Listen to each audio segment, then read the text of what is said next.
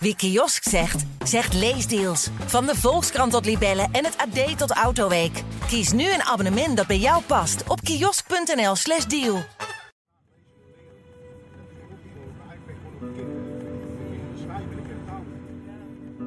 Ik zit op de achterbank in de auto van Juan, tussen Miguel en Soledad in.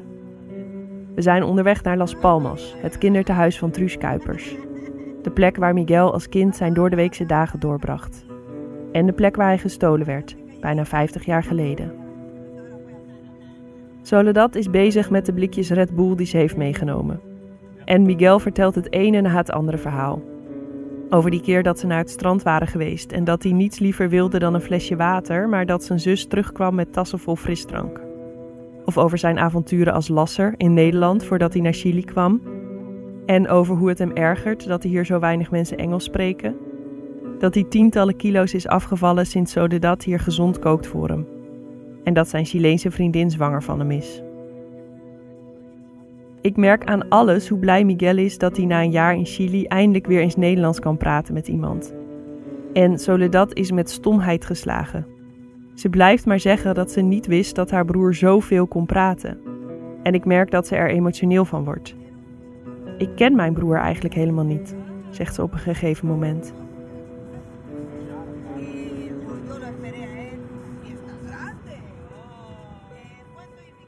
Het verhaal van Miguel en zijn familie is verbijsterend. Niet alleen zegt zijn moeder dat hij zonder haar medeweten naar Nederland werd gestuurd, maar Truus Kuipers heeft ook jarenlang tegen Miguel en zijn biologische familie gelogen toen ze elkaar weer terug wilden zien.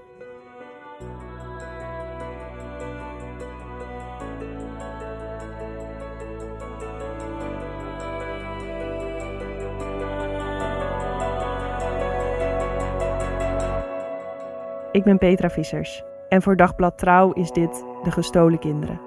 Je luistert naar aflevering 7.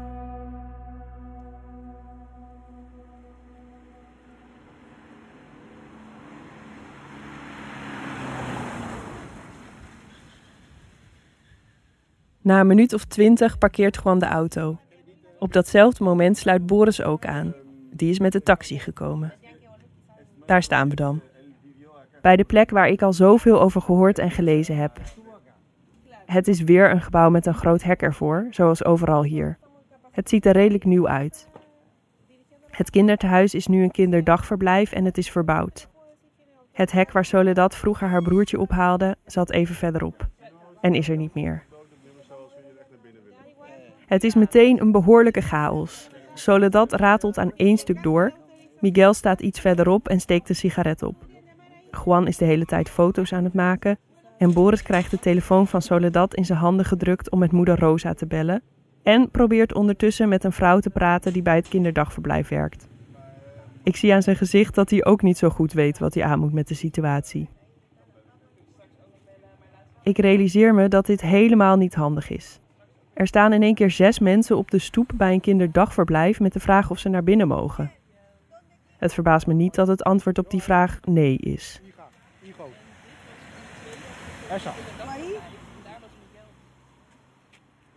We besluiten iets verder te lopen de straat in en een hoek om. En dan gebeurt er iets wat ik niet had kunnen voorspellen. Wat voor mij echt duidelijk maakt hoe belangrijk het is dat ik naar Chili ben gevlogen. Hoe goed het is om als journalist af te reizen naar de plaats waar je verhaal zich afspeelt. Of dat nou Chili is of Appelscha. We worden aangesproken door Johanna, een vrouw die een winkeltje runt in de buurt. Ze vraagt wie we zijn, wat we komen doen en of we meer willen weten van kindertehuis Las Palmas en La Monja Hollandesa, de Nederlandse non. Ze vertelt dat hier in de wijk, of in ieder geval in de blokken rondom het kindertehuis, nog veel wordt gepraat over Truus Kuipers en over de kinderen die zijn verdwenen. Ondertussen is het alweer bloedheet en we trekken behoorlijk wat bekijks. Er heeft zich een groepje om ons heen verzameld van nieuwsgierige buurtbewoners die allemaal stiekem komen meeluisteren met wat er gezegd wordt. De sfeer hier in de buurt is niet echt dreigend, maar heel gemoedelijk is het ook weer niet. Johanna stuurt ons naar een blauw huis, een paar straten verderop. Daar woont Lorena, zegt ze. Een vrouw die in Las Palmas werkte en van wie twee kinderen zijn gestolen. We moesten maar eens met haar gaan praten. We lopen de andere kant weer op, een kruispunt over langs een speelplaats. Ik zie het blauwe huis in de verte al staan. Eenmaal aangekomen ook hier weer een hek. Weer roepen, weer tussen de spijlen doorkijken of we iemand zien. Maar niemand doet de deur open. Het is januari en zomer in Chili, dus het zou kunnen dat Lorena op vakantie is. We lopen terug naar het winkeltje en vragen Johanna het telefoonnummer van Lorena, die dus of niet thuis is, of de deur niet voor ons open wil doen.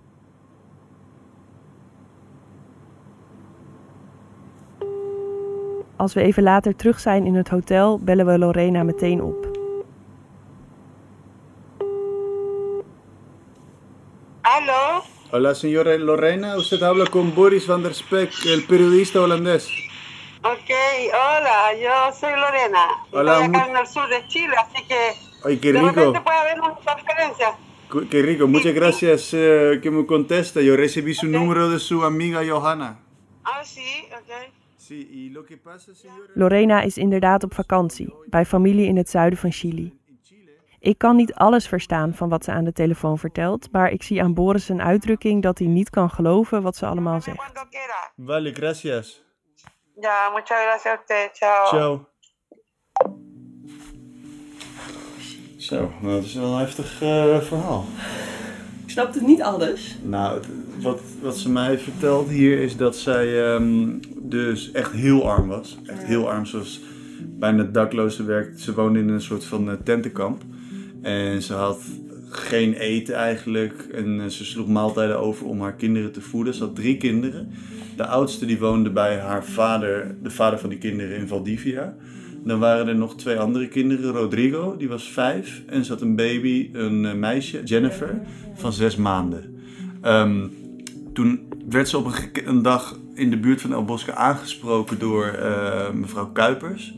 Met het verzoek, of, of eigenlijk de vraag van... Goh, ik zie dat je er niet goed aan toe bent. Wil je bij mij komen werken? Je kinderen kunnen opvang krijgen. eh, nou, Gouden Bergen. Toen eh, is ze in Las Palmas gaan werken als, ja, tia noemen ze dat hier, tante eigenlijk. Dus je, bent, je maakt schoon, je geeft eten aan, aan kinderen. En die kinderen die zaten daar toen ook.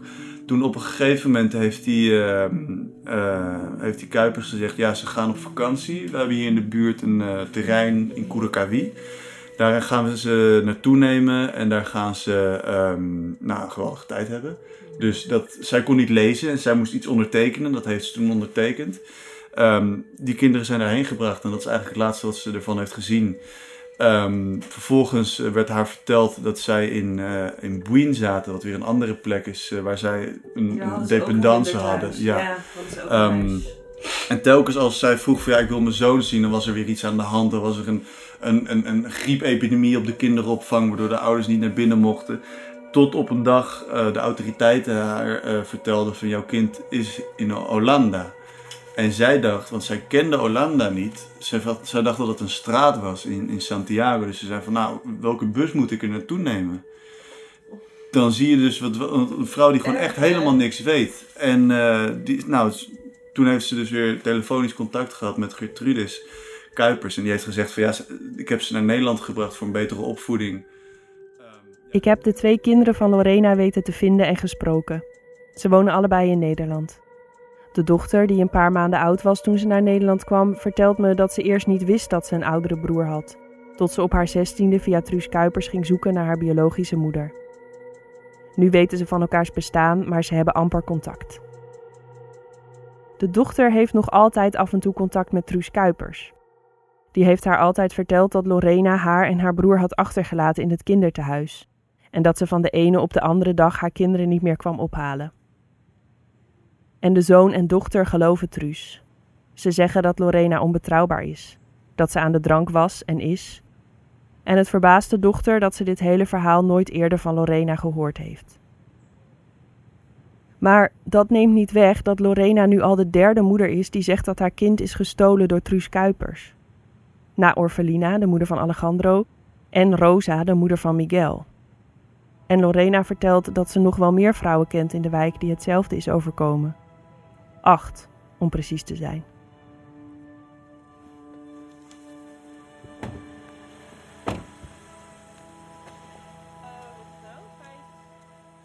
Ik heb inmiddels een aardig idee van wie de schurk is in dit verhaal. Maar ik wil de vrouwen die zeggen dat hun kind is gestolen nog beter begrijpen. Ik wil meer weten over Chili in de jaren 70, 80 en 90. Over de dictatuur. En ik wil beter begrijpen waarom Truus Kuipers decennia lang kon doen wat ze volgens deze vrouwen gedaan heeft. Ik heb een afspraak met Paulette Desormeaux. Zij is journalist en heeft gewerkt voor verschillende media, zowel in Chili als in Europa.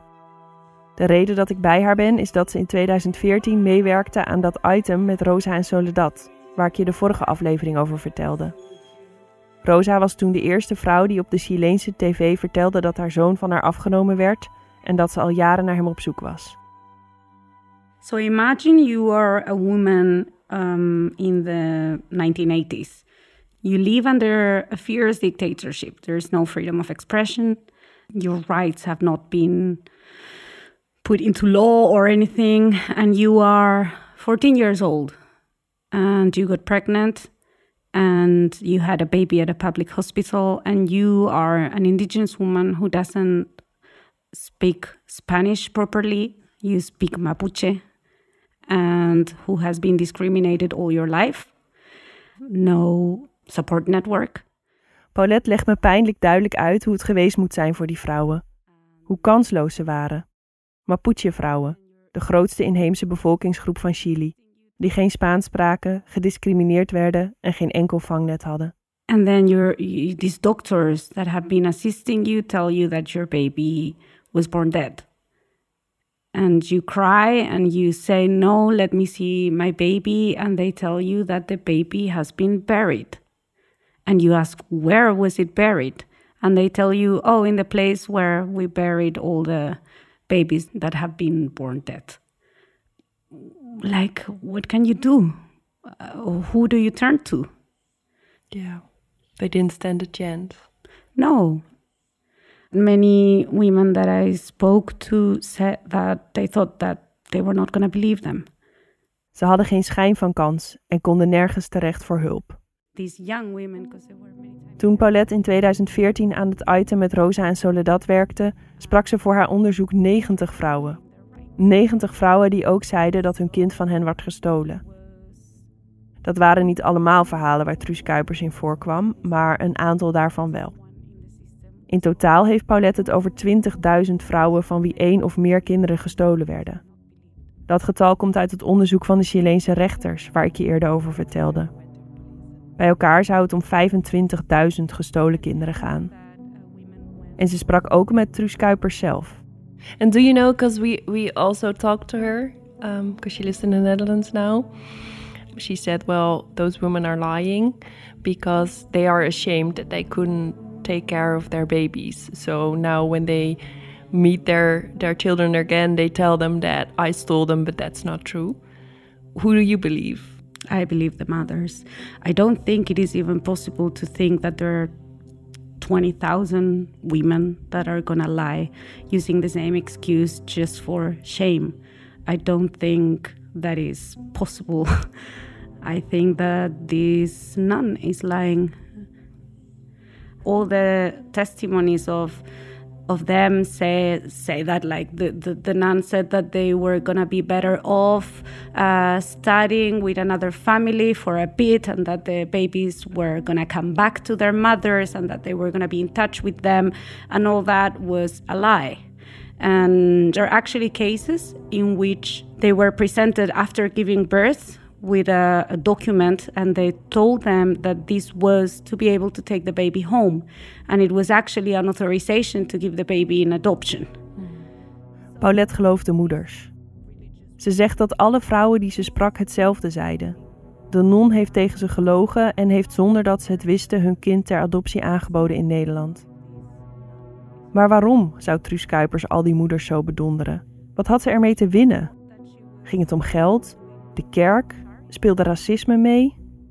Um, I thought a lot about that because I was very touched when I was reporting this story. Um, if you're just a little bit, uh, uh, you have a little bit of empathy, it is really hard not to suffer with the stories of these women. So for me, it was really important to try to understand what had actually happened. Um, there are certain scholars that argue that this was um, a state policy and that it had to do with racism and with uh, like um, washing like population and controlling population. But i'm not sure if it was that way actually. I think here there were many prejudices uh, of people taking place at the same time and that i think many people thought that they were doing good and i think they were underestimated underestimating how important it is for a baby to be with his or her mother and for a mother to be able to raise their children. And it doesn't matter if it's in poverty or if the kid cannot go to school or university you know because the most important thing is that you have belonging. And and as these women didn't want to uh, give their children away i'm sure there was also love. Because if you don't love the baby you had uh, i don't think you look for him for over 40 years Yeah. and i think that this nun maybe is delusional you know i don't know i think Paulette denkt dus dat het te maken had met vooroordelen. Dat de mensen die hierbij betrokken waren echt dachten dat ze iets goeds deden. Dat het hoe dan ook voor een kind beter zou zijn om op te groeien in Europa, ook al werd het daarvoor gescheiden van zijn eigen familie. En dat ze geen rekening hielden met hoe belangrijk het is voor kinderen om op te groeien bij hun moeder. Deze vrouwen wilden hun kinderen niet weggeven, benadrukt ze. Ze hielden van hun kinderen. Anders ga je niet meer dan 40 jaar naar ze op zoek. Um, but the dictatorship was um, a moment in which it was so easy to steal babies. Het onderzoek van de Chileense rechters heeft duidelijk gemaakt dat de kinderen van Chili werden gestolen vanaf de jaren 60 tot in de jaren 90, zegt Paulette. Het gebeurde dus niet alleen tijdens de dictatuur, die in 1973 startte en in 1990 eindigde, maar die maakte het wel heel makkelijk voor alle betrokkenen om de boel te bedonderen. So there was actually um, a lot of poverty that we haven't seen in Chile since. And there was a lot of discrimination against indigenous people. Indigenous people are not even recognized in our constitution that was written under the dictatorship in the 1980s. So the situation of the country was that we had a dictatorship, so authoritarian regime. Um, the laws were, you know, adjusted to the will of the dictator. Chili tijdens de dictatuur van Pinochet was een arm land, heel erg arm. De inheemse groepen werden gediscrimineerd en onderdrukt, de wil van de dictator was de wet. Paulette vertelt dat het onderzoek naar de gestolen kinderen haar zwaar viel. I was very shocked and I was very angry and I was very sad. And I thought, like, how is this even possible? You know?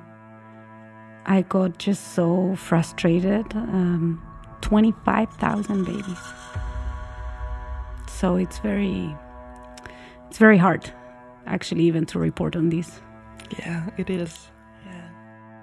Iedereen die ik de afgelopen maanden heb verteld over deze podcast, over de gestolen kinderen van Chili, over de moeders die alleen achterbleven, reageert min of meer hetzelfde. Familie, vrienden, collega's, allemaal reageren ze met een variant op de zin: Mijn kind krijgen ze niet. Of dat zou ik nooit laten gebeuren. En daarvoor hoef je niet eens ouder te zijn, denk ik. Iedereen die van een kind houdt, voelt hoe verschrikkelijk het is als dat kind van je wordt afgepakt. En natuurlijk heb ik dat zelf ook proberen voor te stellen. Wat als? Hoe zou het voelen als iemand zomaar mijn zoontje meeneemt? Maar het lukt me niet. En ik denk dat mensen het zich ook niet willen voorstellen. Als je erover na gaat denken, echt na gaat denken, stort je wereld in. Het is te erg. Maar toch knaagt de vraag: wat als je kind wordt gestolen? Dat accepteer je toch niet zomaar? We are not talking about a country that has a social system that protects you. And you live in a culture that rejects you and discriminates you. So i don't know me as a woman you know i'm an empowered person. I received education. I uh, did not live in poverty but i can imagine that you know when i was 14 years old uh, if I wouldn't have spoken the language of my country, if they would have told me all my life that I am insignificant because I have indigenous origin, I don't know which which like how with which tools I would have fought for my rights to know what happened to my baby. Chili onder de dictatuur was geen land dat vrouwen beschermde. En zeker inheemse vrouwen niet. Het is voor jou en mij bijna niet voor te stellen, zegt Paulette. Ik vraag haar hoe belangrijk het gegeven is geweest dat Truus Kuipers een non was. Heel erg belangrijk, antwoordt ze. Chili is een diep katholiek land, vroeger nog meer dan nu. Als je zou zeggen dat je een non was, zou iedereen je onmiddellijk vertrouwen. Niemand zou tegen je in durven te gaan. And how important if you talk about uh, Truus Kuipers, like she always um, said she was a nun. I think she's also known as La Monja Holandesa. Yes. How important is that um, that idea of her being a nun for her credibility? It's critical. Chile is a Catholic country. It was even more uh, back in those days. And the fact that she um, is known as the Dutch nun means that uh, people believed her goodwill and that you are sort of uh, the embodiment of all the principles that rule Catholicism, um, which are definitely not abducting children or fooling mothers. Especially under the dictatorship, I think that um, at least the Catholic Church here had um, a lot of respect and trust. People really trusted uh, these institutions. So if you would say that you were a nun, you would immediately um, earn the trust of many people. Er is een reden dat ik dit aan Paulette vraag. Want al vanaf mijn bezoek aan het katholiek archief in Nijmegen is er iets dat me dwars zit. En dat is de vraag of Truus Kuipers wel echt een non was toen ze in Chili zat. Iedereen kent haar hier als La Monja Holandesa, de Nederlandse non.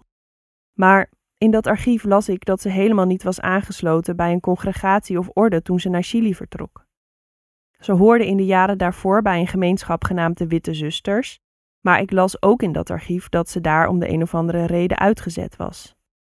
Zelf zei ze tijdens ons interview dat ze zich na een paar jaar in Zuid-Amerika had aangesloten bij een Benedictijns klooster in Montevideo in Uruguay. En in 1973 heb ik daar mijn gelofte mogen doen.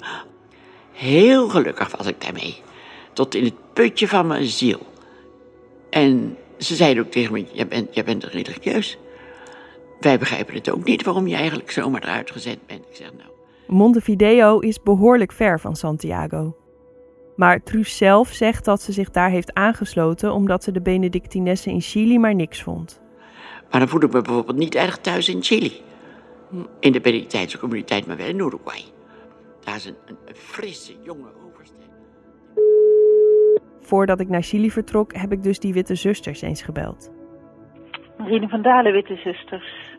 Goedemiddag, u spreekt met Petra Vissers van Dagblad Trouw. Hallo. Hallo. Ehm, ik heb een beetje misschien een, eh, rare of onverwachte vraag, maar ik ben bezig met een ehm, onderzoek en dat gaat over eh, adopties uit Chili. Eh, en nu denkt u, waarom eh, bel ik u? Maar ehm, daar is een eh, vrouw belangrijk in, die heet. ehm, Gertrudis Kuipers. Oh, u weet het al. Ja, maar dat is geen witte zuster. Nee. Het is überhaupt geen non. Oké, want ik ben bij haar geweest en Ja. zij vertelde mij dat zij bij u Ja, maar ze is al... Zusters begonnen is als... eh, Ja, ze is al lang uitgetreden, joh. Al in de jaren 50. Ze, is, ze heeft nooit een eeuwige professie gedaan. Dat zegt ze de hele tijd, hè? Want u maar kent ze- haar dus. Ken, ik dacht, ik ga misschien nu iets zeggen wat u helemaal niet Nee, nee, nee, nee. Ik weet wie het is. Want toen ze uit Chili terugkwam, toen wilde ze hier weer eh, bij ons eh, binnenkomen. Maar dat gaat natuurlijk niet zomaar, hè? Ik bedoel, ze is überhaupt geen witte zuster. Dus eh, ze, is al lang uitge ze is al lang weg. Ze heeft nooit eeuwige professie gedaan. Ze is denk ik twee jaar hier geweest of zo. Ja, en, nou, en ze presenteert zichzelf nog steeds als non. Dus dat ergert mij enorm. Want eh, ja, wij weten dat ze dat niet is. Hè? En, en Nee, maar dat doet ze natuurlijk. Dat doet ze een beetje om een beetje missionarisachtig over te komen. Denk ik. Marina vertelt dat Truus en de witte zusters destijds op een vriendelijke manier afscheid van elkaar hebben genomen. Truus wilde geen eeuwige professie doen. Dat is op zich niet gek, want er waren veel meer vrouwen die daar uiteindelijk niet voor kozen. Ze stuurt me de archiefstukken die haar verhaal bevestigen. En die archiefstukken laten nog iets zien. Nog iets waar Truus Kuipers niet eerlijk over geweest is. Ik lees dat de Witte Zusters er 3000 gulden gaven om haar te helpen bij haar volgende activiteiten. En dat ze haar bruidschat terugkreeg. Dat is 1000 gulden die ze had ingelegd toen ze intrad bij de gemeenschap. Tegen mij had ze gezegd dat ze de Witte Zusters berooid verliet. En dat is dus niet waar. Ik vind het vreselijk. En, en zij zegt nu dat zij een, uh, bij de Benedictijnen hoort. Nee, dat is ook helemaal niet waar, joh. Dat is helemaal allemaal niet waar. Dat liegt ze allemaal. De, eh, om, zij is geen Benedictines. Daar geloof ik geen ene s'nachts van. Ze, dat, zij had toen een soort. Ja, het is natuurlijk alweer een heel aantal jaren Als ik in Chili ben, bel ik samen met Boris dat klooster in Montevideo in Uruguay, waarvan Truus zegt dat ze erbij aangesloten is. De vrouw die opneemt klapt meteen dicht als ze haar naam hoort. Ze wil duidelijk niet over haar praten. Ze zegt dat ze haar wel kent, maar wil verder niets over haar kwijt en schiet meteen in de verdediging. Uiteindelijk verbreekt ze de verbinding. Boris probeert in de weken daarna nog een paar keer contact te krijgen met dat klooster. Maar er wordt niet meer opgenomen. So I'm thinking she's probably not a nun.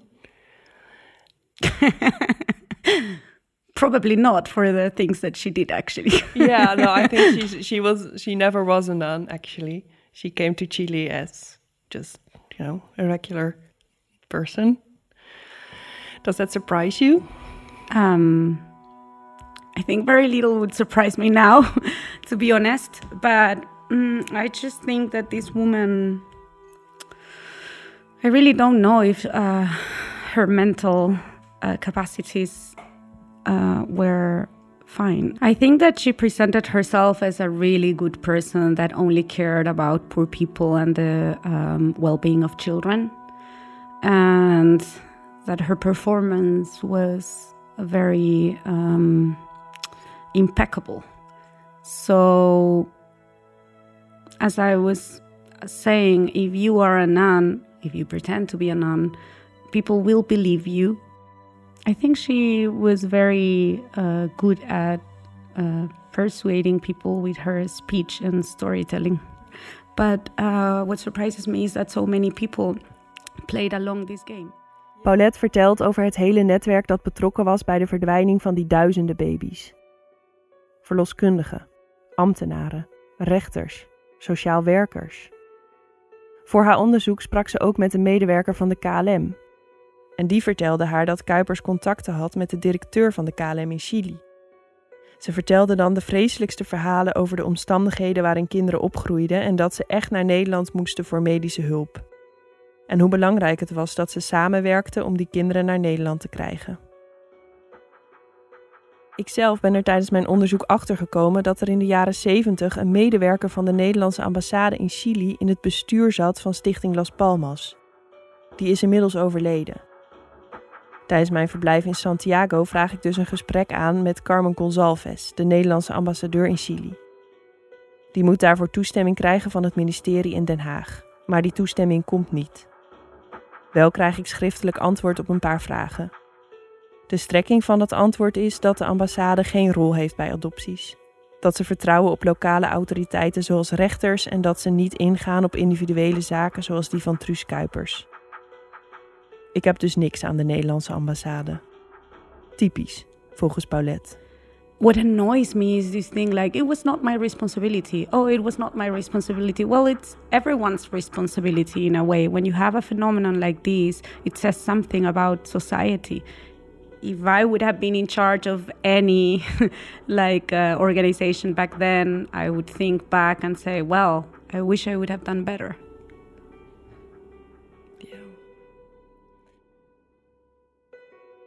In de volgende en laatste aflevering van De Gestolen Kinderen ga ik weer op bezoek bij Mirjam.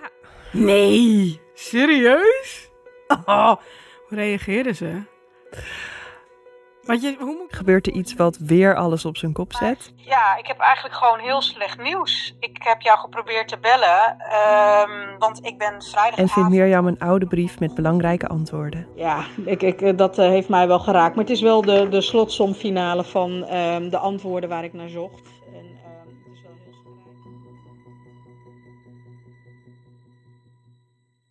Als je dit een fijne podcast vindt en belang hecht aan goede journalistiek neem dan een abonnement op Trouw. Dat kan op abonnement.trouw.nl. Wie kiosk zegt, zegt leesdeals. Van de Volkskrant tot Libellen en het AD tot Autoweek. Kies nu een abonnement dat bij jou past op kiosk.nl/slash deal.